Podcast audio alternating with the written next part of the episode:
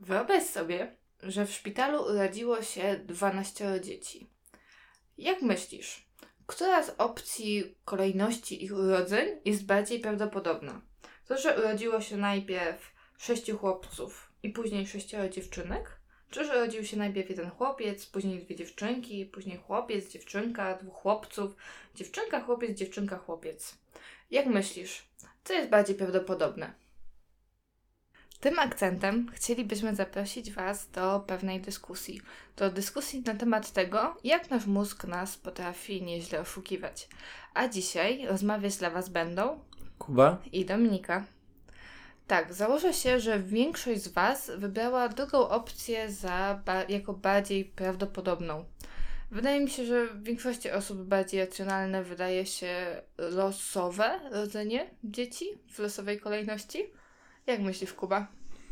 Powiem Ci tak, że jak pierwszy raz widziałem ten eksperyment, zapoznawałem się z tym eksperymentem, mm, to postanowiłem przeprowadzić go na powiedzmy dosyć małej, specyficznej grupie, bo moich znajomych na Instagramie i zapytać ich o zdanie, jak oni uważają, e, jakie jest prawdopodobieństwo, co jest bardziej prawdopodobne, em, że właśnie dzieci urodzą się w takiej kolejności, że najpierw chłopcy, potem dziewczynki, czy właśnie w takim e, losowym zestawieniu. No i większość wyników obstawiała ten, mm, ten losowy wariant. Ja sobie myślę, że tam też chyba nie zostawiłeś trzeciej opcji. Nie pozwoliłeś swoim odbiorcom myśleć, że prawdopodobieństwo może być takie same, ponieważ prawdopodobieństwo właśnie takie jest. Za każdym razem musimy zdecydować, czy urodzi się chłopiec, czy dziewczynka. I to prawdopodobieństwo za każdym razem będzie wynosiło 50%.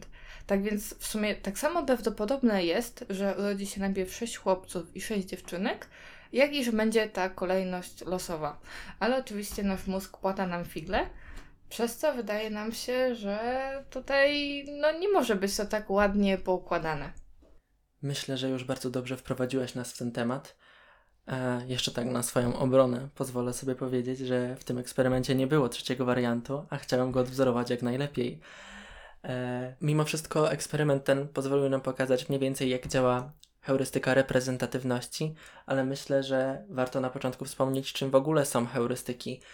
E, już niejednokrotnie zdarzyło mi się coś o nich napomknąć, bodajże w dwóch e, odcinkach, w których występowałem, ale tak całkiem skrótowo i prosto, że heurystyki są pewnymi uproszczeniami, które stosuje nas, nasz mózg, żeby nam się po prostu łatwiej żyło. Dzięki temu łatwiej nam formułować różne opinie, kształtować myślenie na, na pewne sprawy i porządkować nam naszą rzeczywistość. Tak, myślę, że jest to bardzo ładnie ujęta definicja, Jakubie. E, tutaj zastanowiłabym się nad tym, czy tak naprawdę heurystyki e, zawsze mają pozytywny wydźwięk, bo tak naprawdę tutaj mówiliśmy, Kuba mówił o zaletach heurystyk, o tym, że ułatwiają nam życie, ponieważ prościej nam się myśli i funkcjonuje, e, ale tutaj heurystyki można też wykorzystać do bardziej niecnych celów, ponieważ w momencie, kiedy o działaniu heurystyk świadome są różne korporacje, różne większe firmy, e, mogą łatwiej działać w taki sposób, żeby sprzedać nam swoje produkty po na przykład zawyżonej cenie. No nie da się ukryć, że heurystyki nieraz sprowadzają nas na manowce i wprowadzają nas w jakieś błędy, błędy jakieś e, kłopotliwe decyzje. E, mimo wszystko działa tu pewnego rodzaju taki przetarg między szybkością a dokładnością. Kiedy dokonujemy decyzji przemyślanych, które zajmują nam o wiele więcej czasu, e, więcej wysiłku, mamy mniejsze prawdopodobieństwo to, na to, że jakiś błąd popełnimy. Kiedy kierujemy się uproszczonymi schematami, korzystamy właśnie z heurystyk, zaoszczędzamy czas, zaoszczędzamy wysiłek, ale mimo wszystko e, mamy większe prawdopodobieństwo na to, że podejmie, podejmiemy jakieś ryzykowne działania. Okej. E, Myślę, że o tym, jakie pułapki stoją za heurystykami, które czyha, czyhają w naszym mózgu, e, będziemy mówić jeszcze za chwilkę. Mm, A teraz najwyższa pora wrócić do heurystyki reprezentatywności, którą omawialiśmy na samym początku naszego odcinka. Jeśli chodzi o heurystykę reprezentatywności, to mówimy tutaj o pewnym schemacie myślenia, który pomaga nam w przyporządkowywaniu różnych rzeczy do różnych kategorii za pomocą tego, jak bardzo prawdopodobne wydaje nam się to zjawisko, ta rzecz. Jeśli chodzi o ten przykład, który podawaliśmy na początku z eksperymentem mm, z urodzeniami, to rzeczą naturalną wydaje nam się, że im bardziej losowy jest ten proces, im częściej jakby wymienia się to, że raz rodzi się chłopiec, raz dziewczynka, to em, ten schemat jest dla nas po prostu bardziej prawdopodobny. Oczywiście rzecz taka ma miejsce powiedzmy w szpitalach, gdzie tych dzieci rodzi się mnóstwo danego dnia, ale zdarzają się także takie oddziały, gdzie tych urodzeń jest mało, na przykład tak jak w eksperymencie 12, gdzie taka kolejność urodzeń jest równie prawdopodobna i mniej, mniej narażona na aż taką losowość ze względu na ilość przykładów, które jakby w tym się znajdują. Nawiązując do e, tematu heurystyk reprezentatywności, e, myślę, że tutaj warto posłużyć się przykładem. Jak myślicie, drodzy słuchacze, który kierunek studiów będzie bardziej prawdopodobny dla naszego bohatera? Wyobraźmy sobie małego chłopca, e, który chodzi do szkoły, pisze wiersze, bardzo się interesuje poezją e, i postanowił, że będzie wysyłał swoje prace na konkursy. Po paru latach zdecydował, że idzie na studia i wybiera kierunek. Jak myślicie, co będzie bardziej prawdopodobne? To, że wybrał kierunek psychologia, czy to, że wybrał kierunek typu sztuka pisania? Jak myślisz, Kuba, co byś bardziej obstawiał? Patrząc po sobie, to obstawiłbym psychologię, ale zakładam, że część słuchaczy mogła obstawić tutaj sztukę pisania. Możliwe, że nie jesteś jednym z nich, e, że już na tyle wsłuchałeś się w to, co mówimy, że wiesz, że na, powiedzmy na psychologię idzie większa ilość osób, ponieważ jest też więcej miejsc na te kierunki i więcej tych kierunków u nas w Polsce jest jakby więcej uczelni oferuje ten kierunek niż kierunek, jakim jest sztuka pisania. Więc bardziej prawdopodobnym jest, że osoba z takimi zainteresowania, zainteresowaniami znajdzie się właśnie na psychologii niż na kierunku, jakim jest sztuka pisania. Tak, jednak dla wielu osób myślę, że bardziej reprezentatywne wyobrażenie tego chłopca jest takie, że zostaje w tej swojej pierwotnej pasji, że idzie za tym dalej i dalej tworzy i na pewno wybrał kierunek studiów, który bardziej pasuje do tego hobby z dzieciństwa. Oczywiście myślenie takie jakby pozwala nam uporządkować myślenie o, o drugiej osobie, co nie jest równoznaczne z tym, jaki konkretnie wybór ona podejmie. Okej, wydaje mi się, że ta heurystyka jest już dużo bardziej dla nas wszystkich zrozumiała i możemy przejść do kolejnej. Tak, i tutaj chcielibyśmy Wam opowiedzieć o heurystyce zakotwiczenia. E, Jest to heurystyka, która polega na tym, że poniekąd e, skupiamy się, fiksujemy się na pierwszej wartości, którą usłyszymy, e, i później, mając coś oszacować, do niej się odnosimy.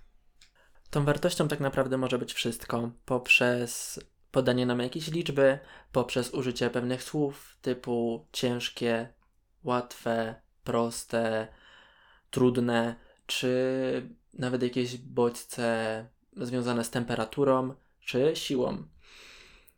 W związku mm, z heurystyką zakotwiczenia i dostosowania przygotowałem dla Dominiki pewien eksperyment, którego efekty będziecie mogli zobaczyć na naszym Instastory. Dominika już siedzi tutaj od początku nagrywek z dwoma kartkami papieru i długopisem i nie może się doczekać. Tak Więc teraz poproszę Cię o wyciągnięcie pierwszej kartki. Jakbyś mogła ją obrócić e, tą mm, krótszą krawędzią do siebie. Mhm.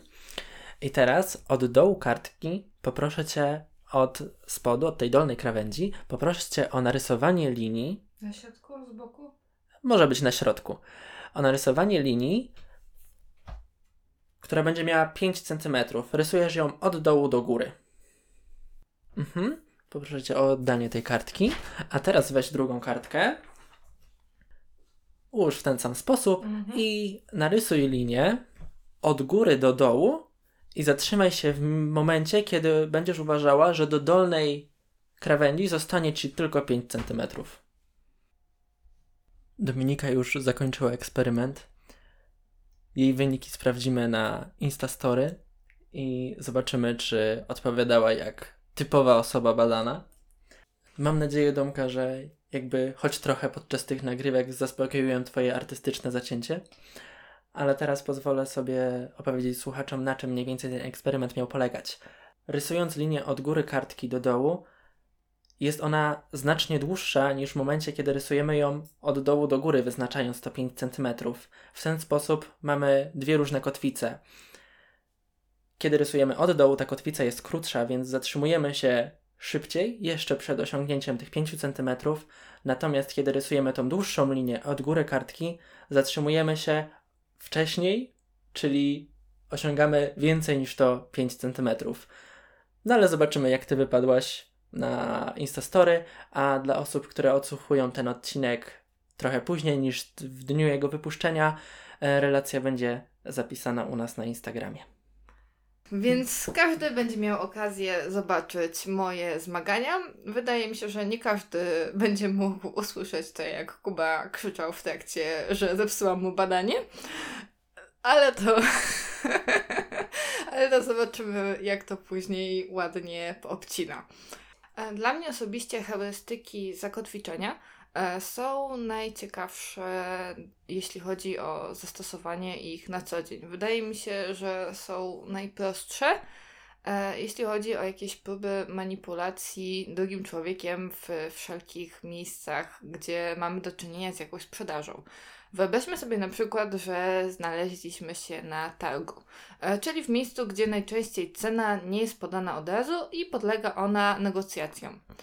E, Istnieje bardzo duże prawdopodobieństwo, że w momencie, kiedy będziemy chcieli coś kupić, sprzedawca zawyży cenę. No właśnie, i dlaczego tak zrobi?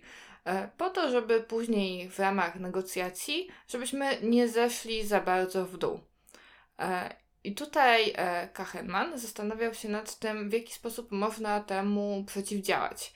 E, I któryś z jego studentów, o ile dobrze pamiętam, e, zaproponował mu, że może odnieść się, że może podać dużo niższą kwotę. E, I najprawdopodobniej tutaj nie dojdziemy do porozumienia, bo będzie taki rozstrzał między tymi cenami. E, Dlatego zdaniem Kahenmana najlepiej byłoby stwierdzić, że nie będziemy negocjować, jeśli stawka zaczyna się tak wysoko. Najlepiej e, byłoby spróbować e, odmówić negocjacji na przykład i pójść kupić gdzieś indziej. Tutaj trzeba zastosować coś, co nazywa myśleniem odwrotnym, czyli na ile temu sprzedawcy opłaca się to, że odejdziemy i zrezygnujemy z kupna danego przedmiotu. Myślę, że to może być całkiem ciekawa technika. Tylko od razu przyszło mi do głowy, mm, przyszła mi do głowy taka myśl, że targ rządzi się pewnymi swoimi prawami i musielibyśmy znaleźć bardzo uczciwego kupca z nich wszystkich, co może nie być takie proste mimo wszystko. A czy takiemu kupcowi opłaca się, że czy się opłaca, czy się mu nie opłaca, że my odejdziemy od tego jego straganu, kiedy za nami znajdzie się kolejna osoba, która już może tej technice ulec. Mhm. Myślę, że to dosyć e, w ogóle ciężka sytuacja i ciężko by tu było ciężko by tu było dojść do porozumienia, co jest najlepszym wyjściem mimo wszystko w takich sytuacjach. Okej, wiecie, ja teraz myślę, że trzeba to sprostować, bo na pewno nie chodzi tutaj o absolutnie każdą negocjację przy każdej kwocie, e, tylko w momencie, kiedy widzimy, że ta kwota jest dość mocno zawyżona. Na tyle, że nawet jeśli w ramach negocjacji ta cena nieco spadnie, to dalej będzie mocno zawyżona i dla nas po prostu nieatrakcyjna. E, I tutaj też chodzi troszkę o to, żeby się nie dać złapać na to, że możemy wynegocjować, o fajnie, udało się troszkę taniej, e, bo jednak e, finalnie może wyjść na to, że dość słono przypłacimy. Okej, rozumiem. To musiałem cię wcześniej jakby nie zrozumieć do końca twojej myśli. To... Ale bardzo dobrze, bardzo dobrze to prostujesz, bo mam poczucie, że dużo osób mogło to odebrać też w taki sposób. E, więc tutaj absolutnie nie chodzi o, o to, że za każdym razem, jak podchodzimy do straganu, odwracamy się napięcie, odchodzimy, mówimy, nie kupujemy tu więcej, więcej tu nie wrócimy, ten targ jest zły. Bierzemy tylko takie skrajne przypadki pod uwagę. Tak jest. Myślę, że jeszcze takim fajnym zaprezentowaniem heurystyki zakotwiczenia jest powiedzmy młodzieńczy bunt, który czasem właśnie może być wywoływany, postrzegany właśnie e, przez heurystykę zakotwiczenia.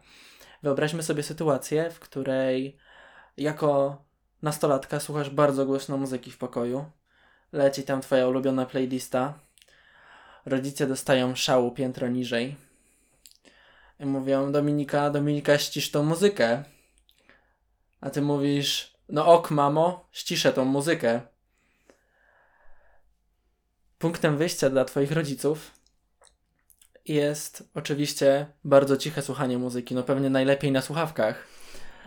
Więc dla nich kompromisem będzie, jak od, tych, od tego słuchania na słuchawkach pójdziemy troszkę wyżej, czyli no powiedzmy coś tam za tych drzwi dobiega, ale no, da się przeżyć. A dla Ciebie oczywiście tą kotwicą będzie słuchanie muzyki na pełny regulator i oczywiście kompromisem rzecz jasna będzie minimalne zejście, czyli no coś tam na parterze jeszcze może być słychać.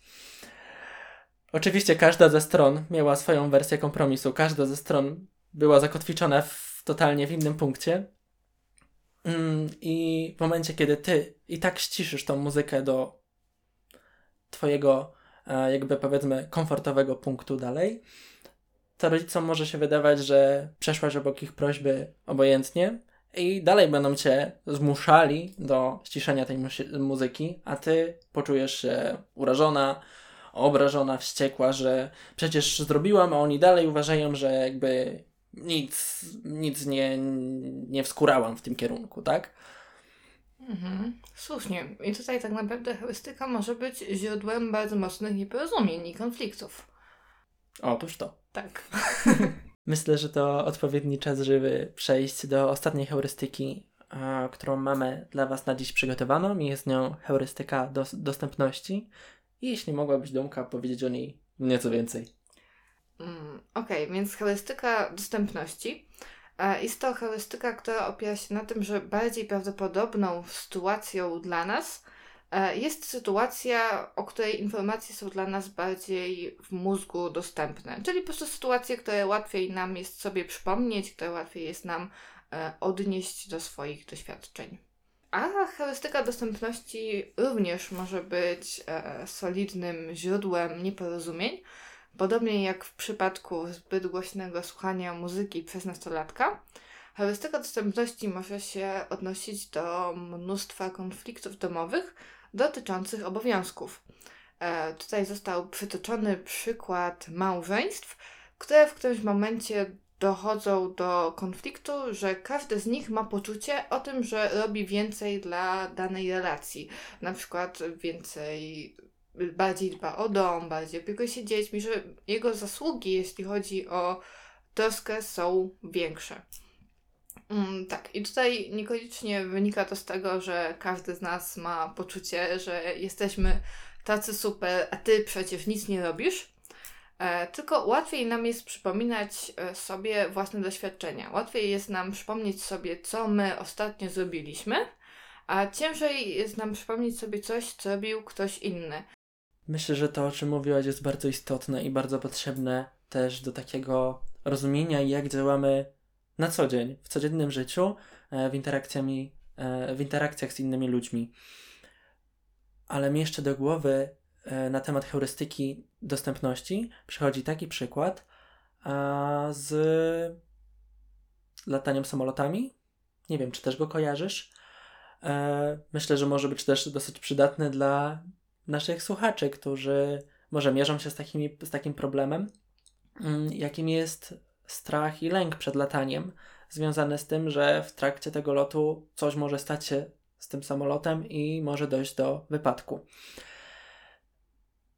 Oczywiście w mediach częściej pojawiają się informacje e, na temat wypadków lotniczych, w których ginie mnóstwo ludzi, w porównaniu z wypadkami samochodowymi, które powiedzmy nie są aż tak spektakularne i nie przykuwają takiej uwagi osób. Dlatego w mediach częściej napotkamy się na takie informacje niż na informacje z wypadkami samochodowymi. Przez co sytuacja, w której giniemy podczas podróży samolotem, wydaje nam się bardziej prawdopodobna i to wzmaga nasz lęk. Mm, tak, wydaje mi się, że w ogóle problem nagłaśniania różnych wypadków przez media może mocno zniekształcać nasz sposób myślenia. E, tak samo, nie wiem, czy wiesz, jaki jest stosunek ilości samobójstw do stosunku, w stosunku do ilości wypadków drogowych. E, więc samobójstw jest mniej więcej, dwukrotnie więcej. E, wiadomo, że to jest takie, takie plus minus.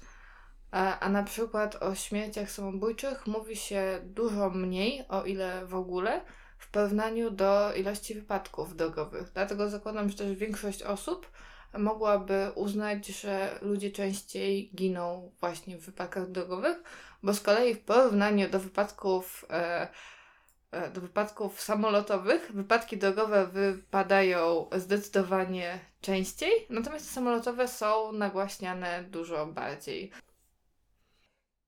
My teraz, znając statystyki, wydajemy się tacy, wiesz, mądrzy i w ogóle świadomi, ale oczywiście jest, jakby oczywistym jest to, że e, w trakcie jakby codzien, codziennego podejmowania decyzji, czy w takim codziennym życiu, e, no, dostępu do takich statystyk nie mamy i każdy z nas w jakimś stopniu ulega e, heurystyce dostępności.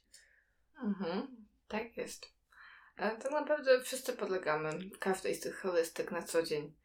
Tak, i chciałabym na sam koniec zadać Ci pytanie, ponieważ wiedziałam, że będę coś rysować i że Kuba będzie w jakiś sposób na mnie eksperymentować, e, więc uznałam, że ja też przygotuję dla niego pytanie, żeby nie być dłużną, prawda? Więc tak, Kuba, wyobraź sobie, że jesteś szefem jakiejś dużej sieci sklepów. Dajmy na to, będziesz szefem Douglasa. Tak, Mhm. Okej, okay, więc masz wypuścić na rynek bardzo drogie perfumy. Mają być sprzedawane w Twoim sklepie. E, I któryś z Twoich konsultantów zaproponował Ci, że do tego produktu, dajmy na to, niech to będą drogie perfumy, żeby dołożyć do tego dodatkowo błyszczyk. Żeby oferta była bardziej kusząca dla naszych odbiorców. Jak myślisz, e, czy będzie to dla nich bardziej atrakcyjne, czy niekoniecznie? W sensie... Myśląc tak, jakby podejmując decyzję bez większego namysłu, to mogę Ci odpowiedzieć, że na jakby pierwsza myśl, jaka mi się pojawiła, to oczywiście, no jakby jakiś gratisik do, do tych perfum, no oczywiście, że będzie atrakcyjny bardziej dla naszych konsumentów. Ale nie wiem, co możesz mieć na, na myśli za prawidłową odpowiedź, więc czekam. Czekam na osąd. Czyli finalnie dokładasz błyszczyk czy nie? Dokładam. Dokładasz błyszczyk. Um, Okej, okay. więc e, według jednej z heurystyk, e, która opiera się na zasadzie mniej znaczy więcej. Tak, i tutaj wydaje mi się, że sama nazwa mówi ci dużo.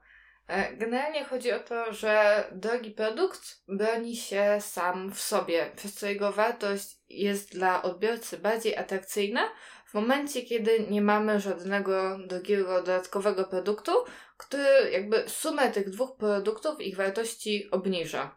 Tak, dlatego lepiej jakbyś jednak nie dokładał tego błyszczyka. Chociaż ja tam bym się nie obraziła, jakbym dostała prawda, gratisowo błyszczyk do perfumu, ale to już... To już zależy od postrzegania. Dokładnie, to zależy. I myślę, że tym optymistycznym aspektem możemy zakończyć dzisiejszy odcinek. Mam nadzieję, że nie tylko uświadamialiśmy, ale też umilaliśmy Wam czas. Rozmawiali dla Was dzisiaj Kuba i Dominika. Do zobaczenia i usłyszenia w następnym odcinku.